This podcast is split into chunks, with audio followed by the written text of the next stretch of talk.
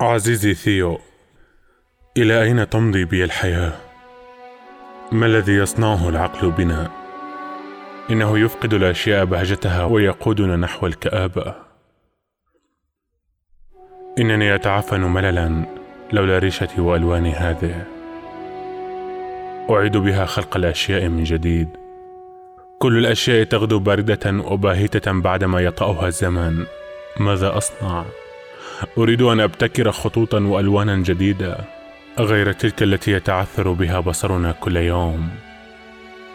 كل الألوان القديمة لها بريق حزين في قلبي.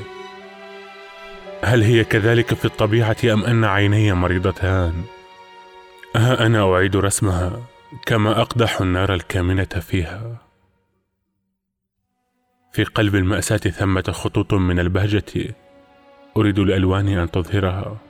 في حقول الغربان وسنابل القمح بأعناقها الملوية حتى في حذاء الفلاح الذي يرشح بؤسا.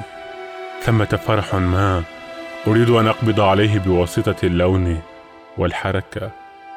للأشياء القبيحة خصوصية فنية قد لا نجدها في الأشياء الجميلة.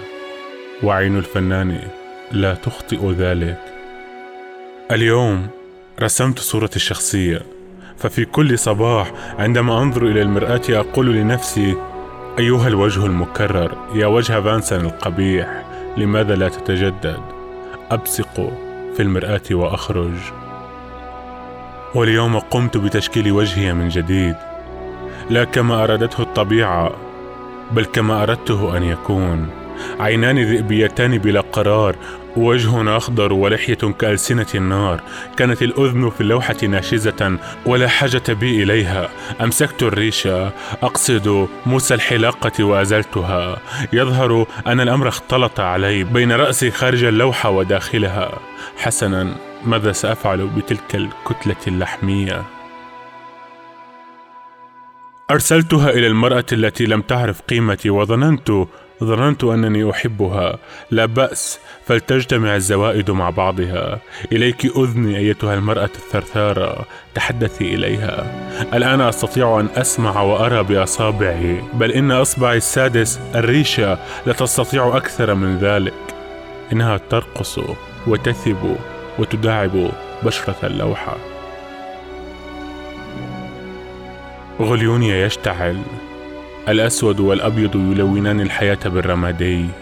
للرمادي احتمالات لا تنتهي. رمادي أحمر. رمادي أزرق. رمادي أخضر. التبغ يحترق والحياة تتسرب.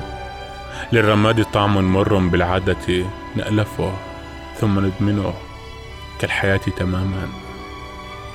كلما تقدم العمر بنا غدونا أكثر تعلقا بها. لأجل ذلك أغادر في أوج اشتعالي. ولكن لماذا؟ إنه الاخفاق مرة أخرى. لن ينتهي البؤس ابدا. وداعا يا ثيو سأغادر سأغادر نحو الربيع.